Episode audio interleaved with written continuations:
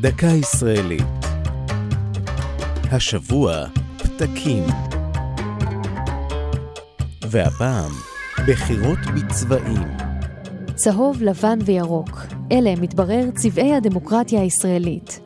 זו אולי אמירה מוגזמת מעט, אך בעוד שבמדינות אחרות בעולם כבר עברו להצבעה ממוחשבת, בארץ ממתינים למצביעים בקלפי פתקים צבעוניים. בבחירות לכנסת הפתקים צבועים לבן. בדרך כלל השם היחיד המודפס עליהם הוא שם המפלגה, אך לעיתים מוסיפים את שמו של יושב ראש המפלגה. מי שמעוניין להביע מחאה ולהימנע מתמיכה בכל המפלגות, יכול להטיל פתק ריק, המכונה פתק לבן.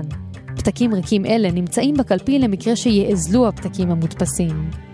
פתק לבן שיימצא במעטפה איננו נמנה ואיננו משפיע על תוצאת הבחירות. בבחירות המקומיות תוכלו למצוא מאחורי הפרגוד גם פתקים צהובים, שעליהם מודפס שם המועמד לראשות הרשות המקומית. לצידם פתקים לבנים עם שמות הרשימות. בעבר, לשני הפתקים הללו, נוסף פתק שלישי בצבע ירוק. אם ברשות המקומית שלכם מתמודד רק מועמד אחד, אפשר היה להצביע נגדו באמצעות הטלת פתק ירוק. בבחירות לרשויות המקומיות בשנה שעברה, הוסר הפתק הירוק מעמדות ההצבעה.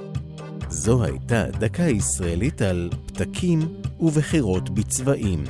כתבה מאיה רכלין, ייעוץ הדוקטור תהילה שוורץ אלטשולר, ייעוץ לשוני הדוקטור אבשלום קור.